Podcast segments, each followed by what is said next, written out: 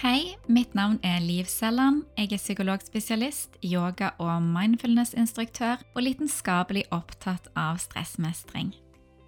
Dette er podkasten Overskuddsliv, en podkast som vil gi deg kunnskapen og motivasjonen til god stressmestring, sånn at du kan leve ditt beste liv med overskudd til det du ønsker.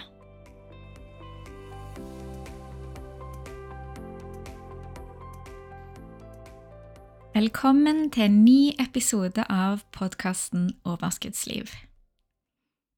Dagens tema det er et fenomen som det ikke snakkes så mye om, men som jeg likevel ofte møter i min praksis. Det er òg et tema som flere av dere lyttere og medlemmer i Stressportalen har sendt inn som ønsketema til podkasten. Så det temaet vi skal snakke om i dag, det er foreldreutbrenthet. Og i løpet av denne episoden så vil jeg beskrive hva foreldreutbrenthet er, hva fire kjennetegn som brukes for å definere denne tilstanden, litt om hvor mange av oss som er ramma, og hva som viser seg å ha en høy sammenheng med foreldreutbrenthet.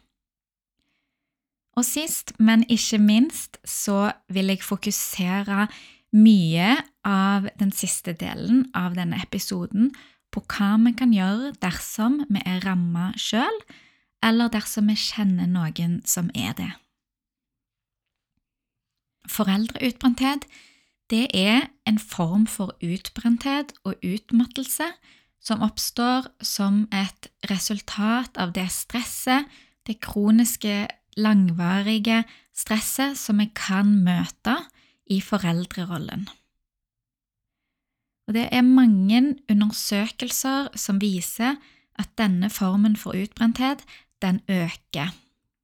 Men det viser òg at den nesten bare utelukkende øker i den vestlige verden.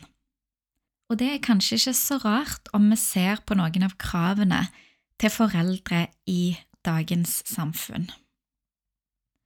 Som foreldre i dag så skal vi tilegne oss kunnskap om barn og barneoppdragelse, og vi skal finne ut hvilke kunnskap vi skal stole på, for litteraturen rundt dette er jo ganske enorm, for å ikke nevne at den òg noen ganger er motstridende. Når vi får bitte små barn, så skal vi amme babyen vår, koste hva det koste vil, for all del ikke i flaske. Vi skal helst lage hjemmelaga babymat fra bunnen, stimulere til intellektuell og motorisk vekst.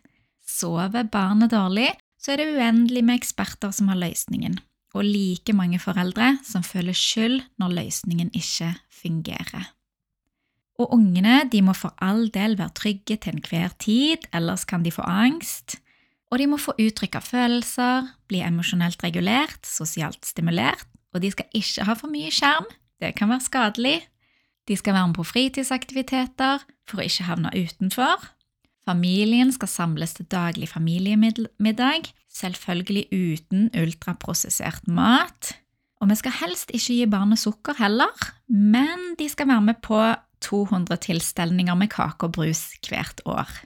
For å ikke snakke om at foreldrene må finne tid og krefter til dugnader, sommerfester, påske- og julefrokoster, FN-kafé, halloweenfeiringer, 17. mai-komiteer og sosialisering med klasseforeldre, for det er veldig viktig å være tett på. Ved konflikter eller bare kjedsomhet på skoleveien så er barnet heldigvis bare et trykk på smartklokken unna mamma og pappa. Men så må vi ikke bli for overbeskyttende, her gjelder det å finne akkurat den rette balansen. Som du kanskje forstår, så er dette satt på spissen. Men om du er foreldre eller har barn i nær familie, så kan det òg være at du kjenner deg litt igjen. Foreldreutbrenthet det er ingen diagnose, men det er en tilstand. Det vil si at det er ikke noe som jeg kan gå til fastlegen og få diagnose på, men det er en tilstand som er godt beskrevet i etter hvert ganske mye forskning. Denne tilstanden den identifiseres ved fire kjernesymptomer. Nummer én det er intens utmattelse i rollen som forelder. Denne utmattelsen kan være både fysisk, mental eller emosjonell, eller en kombinasjon av disse. En typisk uttalelse fra en utmattet mor eller far kan være når jeg står opp om morgenen, så er jeg allerede utslitt bare av å tenke på hva jeg skal gjøre for og med ungene mine i dag. Kriteriet nummer to det er emosjonell distansering fra ungene. Her kan en vanlig uttalelse være jeg kjenner meg som om jeg går på autopilot når jeg er rundt ungene. Jeg er følelsesmessig fjern, og jeg føler meg ikke lenger knytta til ungene mine på samme måte. Kriterium nummer tre det er mangel på glede og mening i rollen som foreldre.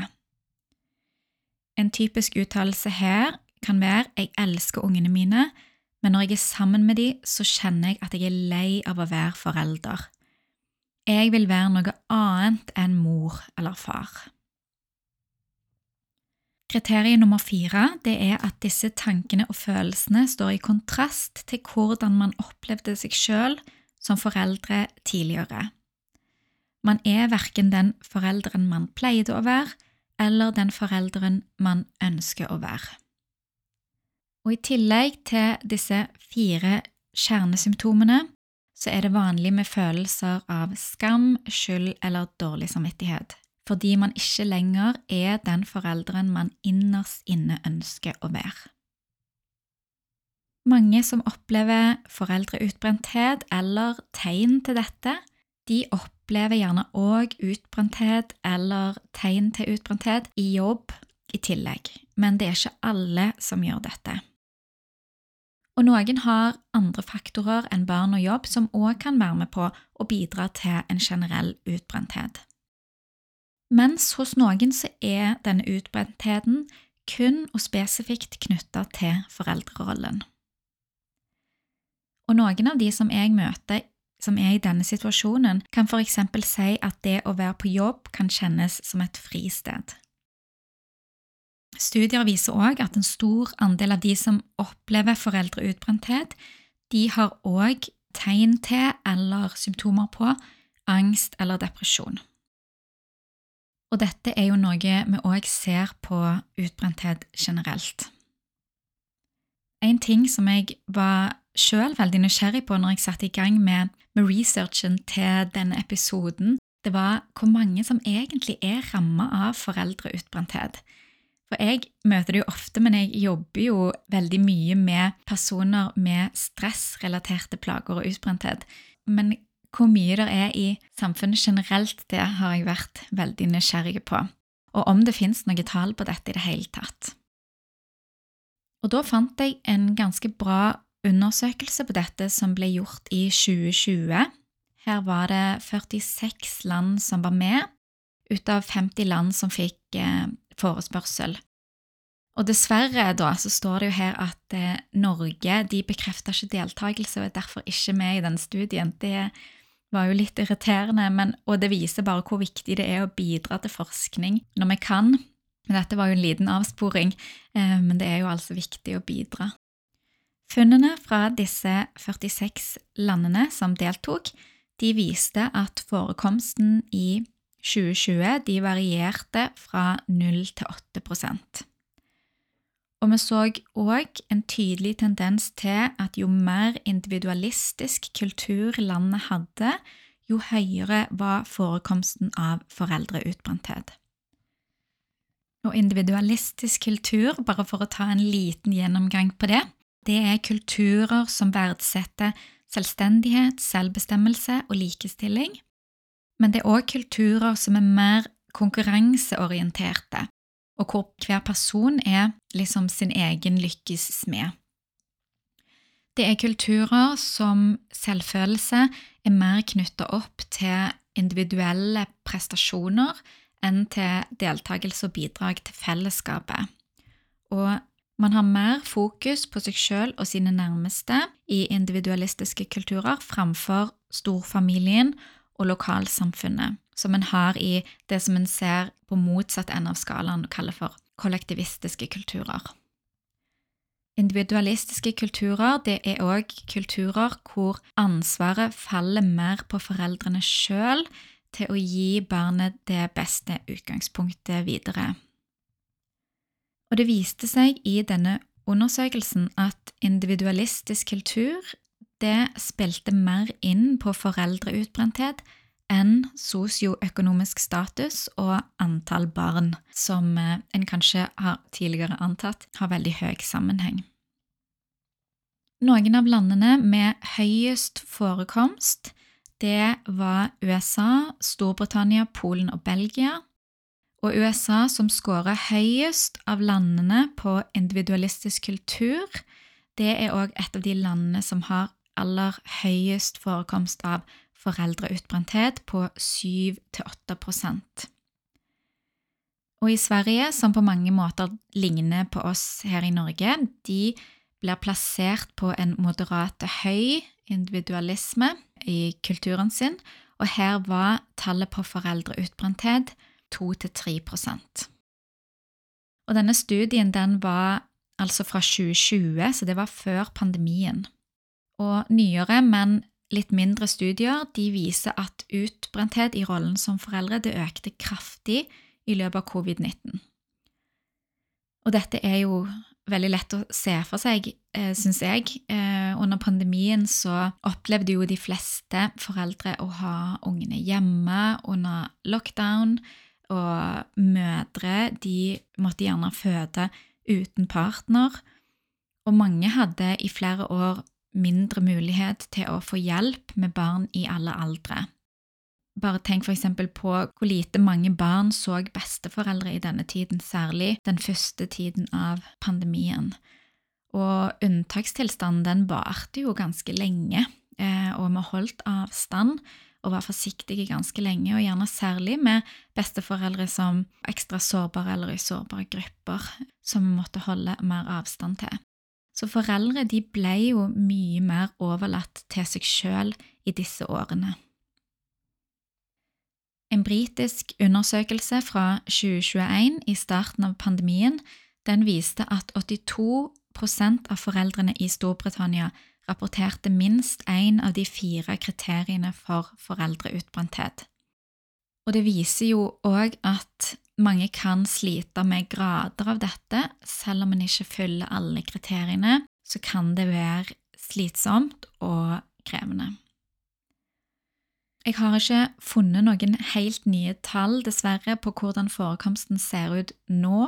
Nå er vi jo et lite stykke ut av pandemien igjen, og for de aller fleste tilbake til normalen.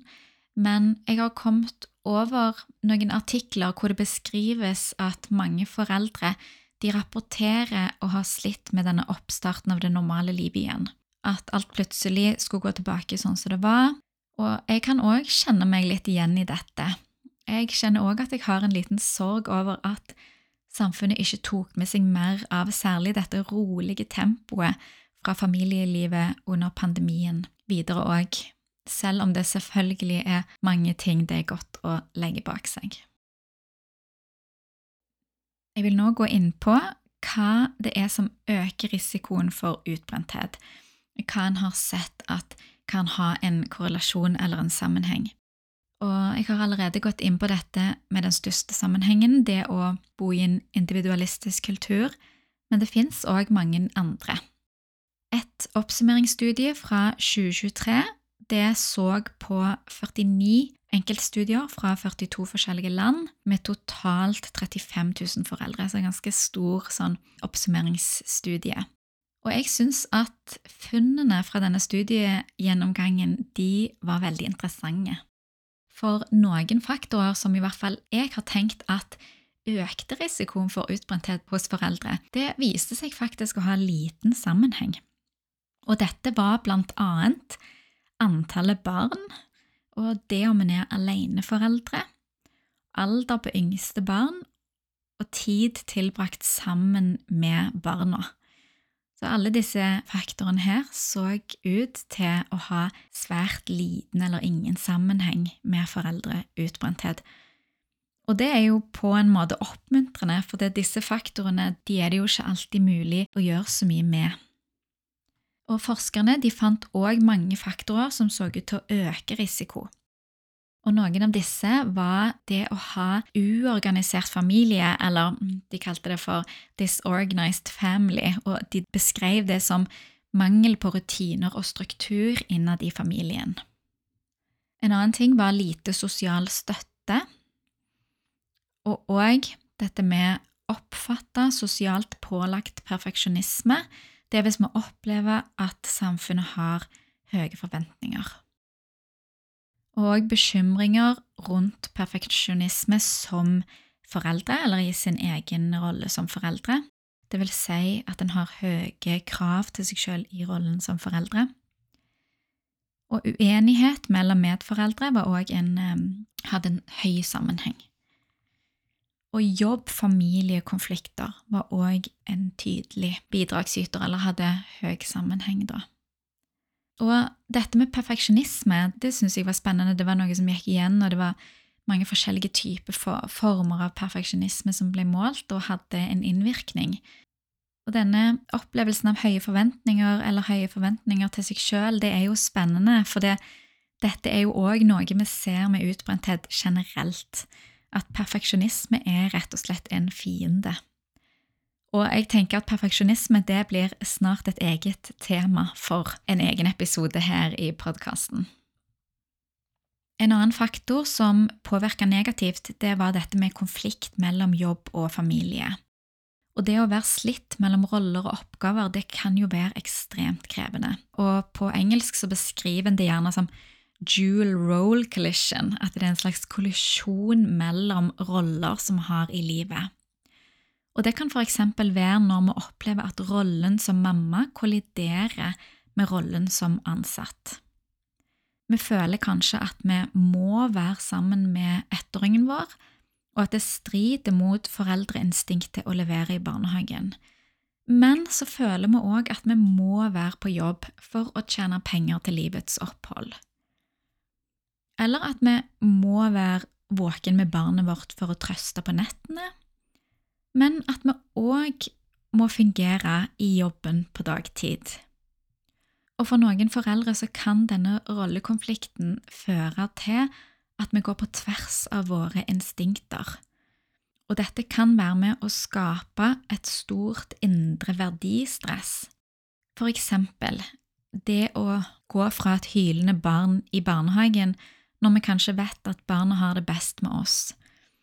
Og dette er absolutt ingen pekefinger, jeg vet at dette er umulige situasjoner, og vi gjør alle vårt beste.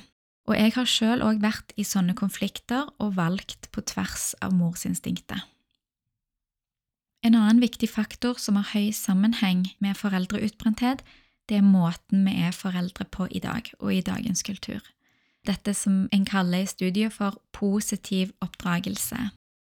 Det ligger mye føringer, og da særlig i vestlige kulturer, for hvordan vi skal være en god forelder og støtte utviklingen til barna maksimalt.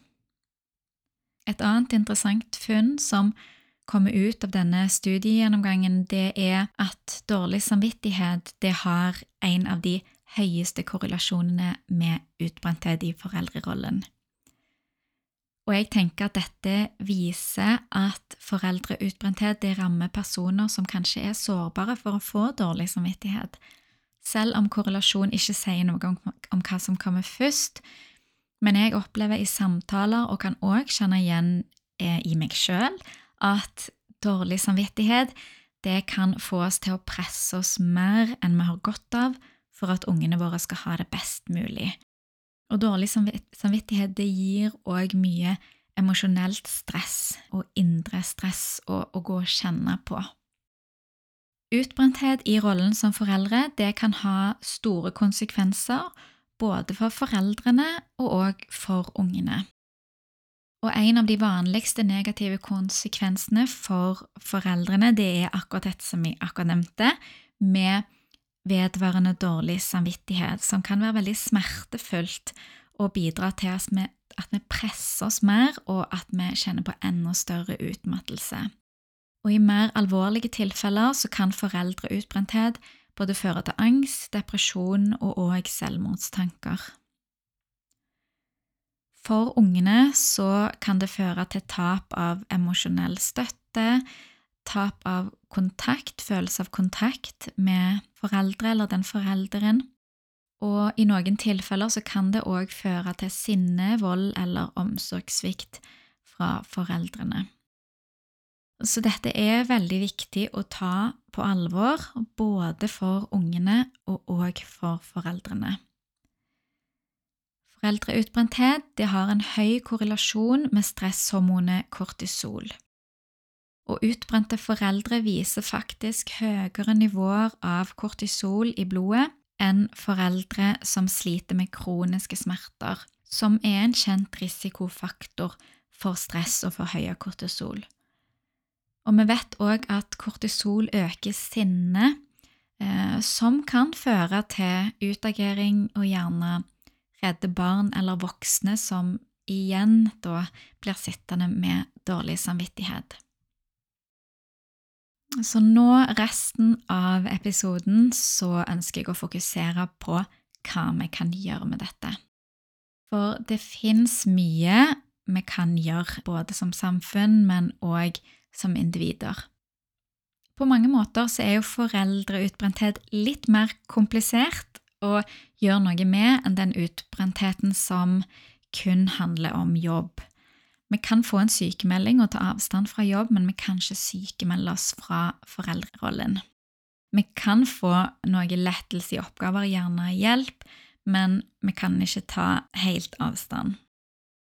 Men det fins heldigvis en god del råd, og jeg har prøvd å samle noen av de beste og vil gå gjennom disse for deg. Så finn fram penn og papir dersom du vil notere deg noen av disse punktene. Flere eksperter på dette de presiserer at råd kan være individuelle fordi familier er så forskjellige. Og òg at vi skal være litt forsiktige med å komme med for mange tips og triks, for de fleste gjør så godt de kan, men likevel så er det en god del ting som kommer fram som kan være nyttig. Så punkt nummer én, det er å snakke med noen. Det er å åpne opp om hvordan vi har det. Mange holder dette inni seg på grunn av skam. Vi føler det er skamfullt å ikke mestre rollen som mamma eller pappa. Vi føler gjerne at vi er ganske alene om det, i og med at det ikke blir snakket så mye om. Men det er jo, som vi har sett, ganske vanlig, og, og mye viser at dette bare øker. Men hvis det er sånn at hvis vi går og holder dette inni oss, da kan det bli verre, og enda mer overveldende. Og det er jo òg sånn at en av de beste motgiftene til skam, det er åpenhet. Så dersom vi har en venn eller noen i familien, legen eller noen andre som vi kan begynne å dele litt med, så kan det gjøre ting litt lettere. Og dersom vi begynner å dele i vennegjengen, så kan det jo gjerne være sånn at andre òg tør å komme etter. Punkt nummer to det er det å be om hjelp om det er mulig. Og det er det ikke alltid. Det er ikke alle som har noen de kan spørre, og vi har veldig variert nettverk. Noen har mange, andre har veldig få eller ingen. Men det å være litt nysgjerrig på er det noen jeg kan støtte meg på, er det noen som kan forstå, er det noen som kan hjelpe meg bare ved å lytte, er det noen jeg kan be om praktisk hjelp, og Kanskje òg du kan være den som tilbyr hjelp, dersom du er den som har kapasitet og har småbarnsforeldre i familien eller omgangskretsen som gjerne kunne trengt litt avlastning. Punkt nummer tre det er dette med å jobbe med perfeksjonisme. Og det er i og med at perfeksjonisme, og særlig opplevd sosial perfeksjonisme, har høy sammenheng med foreldreutbrenthet, så kan det være nyttig å ta en runde på om du kan senke forventningene til deg sjøl, men òg se på hva du eksponerer deg for. Hva, hva, er det du ser på, hva er det du leser, hva er det du hører på? Hvem omgås du? Er det noen der som får deg til å føle deg god eller mindre god som foreldre? Hvem følger du på sosiale medier, eksempel? Er det personer som gir deg råd som det krever mye av deg å følge? Eller er det personer som viser en fasade som gjerne kan trigge følelsen av at en ikke er god nok. Begge disse tingene kan jo være med å trigge en perfeksjonisme dersom vi har eh, liksom perfeksjonistiske tendenser i bånd.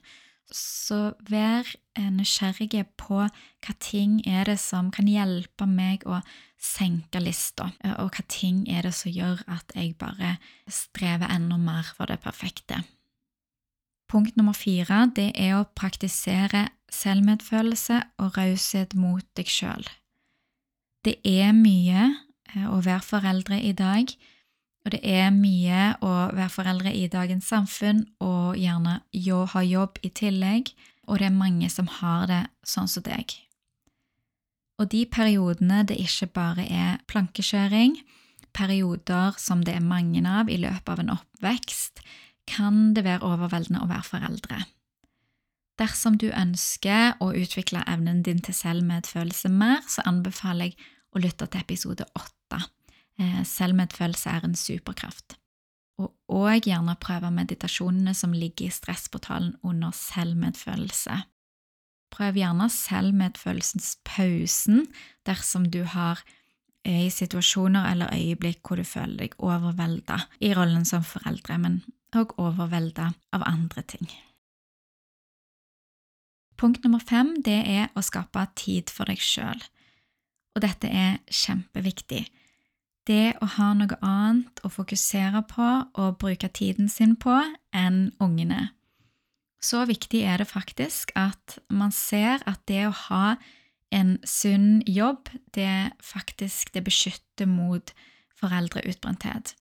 Og hjemmeværende mødre de har en litt høyere risiko for å utvikle utbrenthet i rollen som foreldre. Og alle trenger noe annet enn ungene å fokusere på. Alle foreldre trenger dette. Eh, det kan være en hobby eller en interesse. og Det kan være veldig beskyttende å ha det. Noe som du gjør fordi det er lystbetont. Noe som får deg til å føle deg litt som deg, ikke bare som mamma eller pappa. Kanskje finne litt igjen til hvem var du før du ble mamma eller pappa? Går det, går det an å hente dette litt mer fram igjen? Og dette gjelder det å huske på i hverdagen òg, å ta øyeblikk som vi kan trekke oss litt bort, få litt pause og bare få lov å være oss sjøl litt. For noen så kan det gjerne være vanskelig å finne svar på det. Hva er det jeg egentlig ønsker dersom jeg skal gjøre noe bare for meg? Vi har gått så lenge i denne rollen som foreldre og ansatt, og hatt det så travelt at vi ikke engang husker hva vi gjorde når vi bare valgte ut ifra egne ønsker.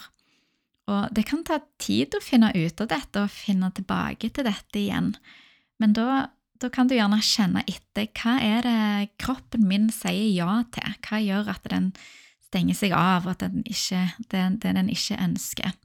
Eller hva, hva likte du som barn?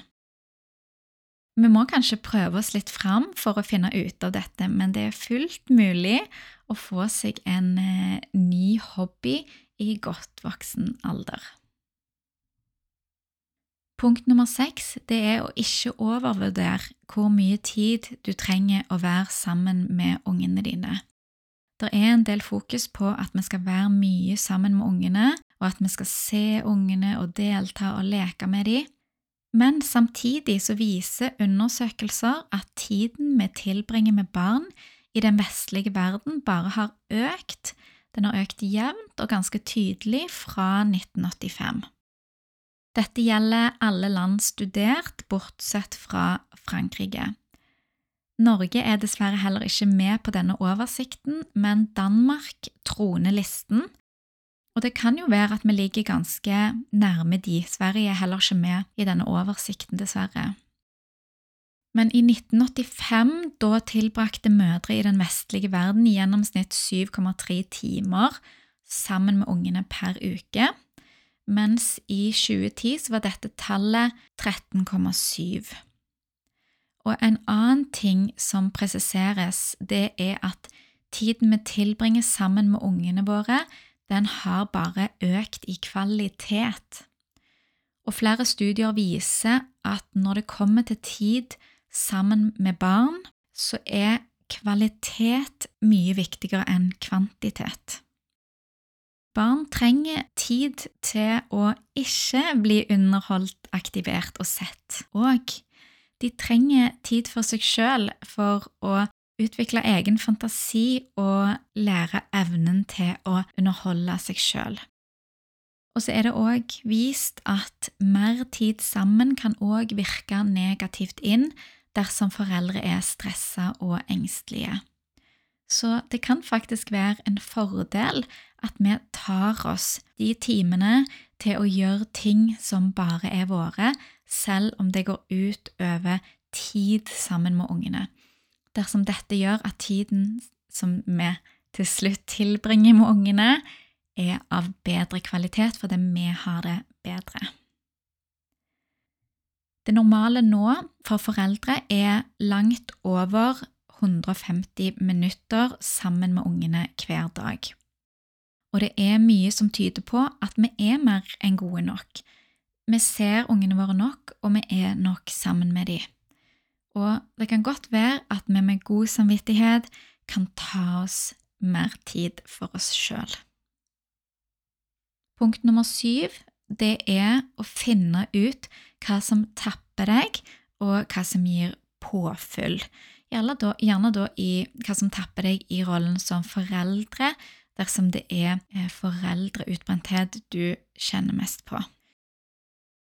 Dette kan du gjerne gjøre med å skrive to kolonner, hvor du i den ene kolonnen kan få med alt som du føler tapper deg i rollen som foreldre, og i den andre kolonnen eh, føre opp hva i livet ditt er det som er generelt stressforebyggende, stressreduserende, eller som du føler at gir deg påfyll. Og så se litt på om du kan klare å få til en bedre balanse her. Er det mulig å kutte ned på noen av stressordene, det som tapper deg? Er det mulig å gjøre mer av det som er i den kolonnen som du vet er bra for deg? Punkt nummer åtte det er grenser i forhold til barn. Her vil jeg ikke legge for mye føringer, fordi du vet hva som er mulig for deg, men noen tegn på områder som kanskje skal sjekkes på, det er dersom det er ting som irriterer oss i foreldrerollen eller gjøre oss ekstra slitne. Er det noe, noen krav som vi kan sette til ungene? Alt i henhold til alder, noe som de kan være med å hjelpe mer til med eller noe som du bør si, si mer nei til. For noen så kan det gjerne være en del å hente på å gå litt gjennom dette med grenser. Nå er jeg kommet til endes av de punktene med hva en kan gjøre sjøl, og hva en kan se på sjøl. Men så er det sånn at det er jo ikke bare foreldrenes ansvar. Jeg tenker Her ligger veldig mye av ansvaret i kulturen og samfunnet generelt, og, og sånn som det har blitt, så det blir jo på et vis vår felles ansvar, men det er jo nå sånn en gang at det som gjelder oss sjøl, har vi jo på de områdene har vi jo mye mer innvirkning og mulighet for å gjøre en endring, så det er derfor òg fokuset blir en del på hva en kan gjøre sjøl. Det betyr ikke at det er en sjøl som foreldre som har på en måte skylden når en blir utbrent. På andre nivå så er det en del arbeidsplasser kan gjøre for å legge til rette for foreldre. For eksempel så hørte jeg nylig om et selskap som ga ubegrensa hjemme med sykt barn-dager til de ansatte. Dette er jo et kjempefint tiltak. Det å gi foreldre fleksible arbeidstider med mulighet for hjemmekontor så langt det lar seg gjøre. Og for noen så kan vi kanskje òg få arbeidstid inkludert i reisetid dersom en har et stykke til jobb. Så det fins mye forskjellige tiltak det går an å gjøre for å støtte de ansatte som er foreldre, og gjerne særlig de som er småbarnsforeldre. Og så har vi da alle et ansvar for å tenke på hvilken kultur vi vil ha rundt barn og barneoppdragelse. Er vi sjøl med på å fremme perfekte idealer? Er vi sjøl med på å øke presset på foreldre med måten vi er på, eller er vi med å senke det? Og lar vi andre få lov å være foreldre og gjøre ting på sin måte? Det som ble veldig tydelig for meg når jeg undersøkte rundt eh, dette temaet og leste meg opp på, til denne episoden, det er det at det er helt klart at å forebygge og behandle foreldreutbrenthet, det er viktig både for samfunnet, foreldrene og ungene. Og et viktig første steg, det er det å sette ord på det, og det å snakke om det. Fordi det gjelder så mange. Og kanskje vi sammen kan begynne å senke lista og la oss sjøl få være uperfekte foreldre. Fordi det tross alt er viktigere for ungene våre at mamma og pappa har det bra, enn at alt er etter boka. Om du likte denne episoden, husk å abonnere, så får du opp nye episoder når de slippes. Dersom du ønsker å lytte mer, så kan du få tilgang til alle episodene av podkasten i Stressportalen. Her slipper jeg òg en ny episode ukentlig. I Stressportalen finner du òg mange andre ressurser, annet over 40 meditasjoner og øvelser som hjelper deg med å jobbe med deg sjøl, redusere stress og oppnå mer overskudd og glede. Den rimeligste månedsprisen for Stressportalen er 59 kroner, og du kan prøve gratis og uforpliktende i syv dager. Dersom du ønsker å lese mer eller melde deg inn, gå til stressportalen.no. Jeg håper dagens episode var nyttig for deg, og at vi høres igjen neste uke.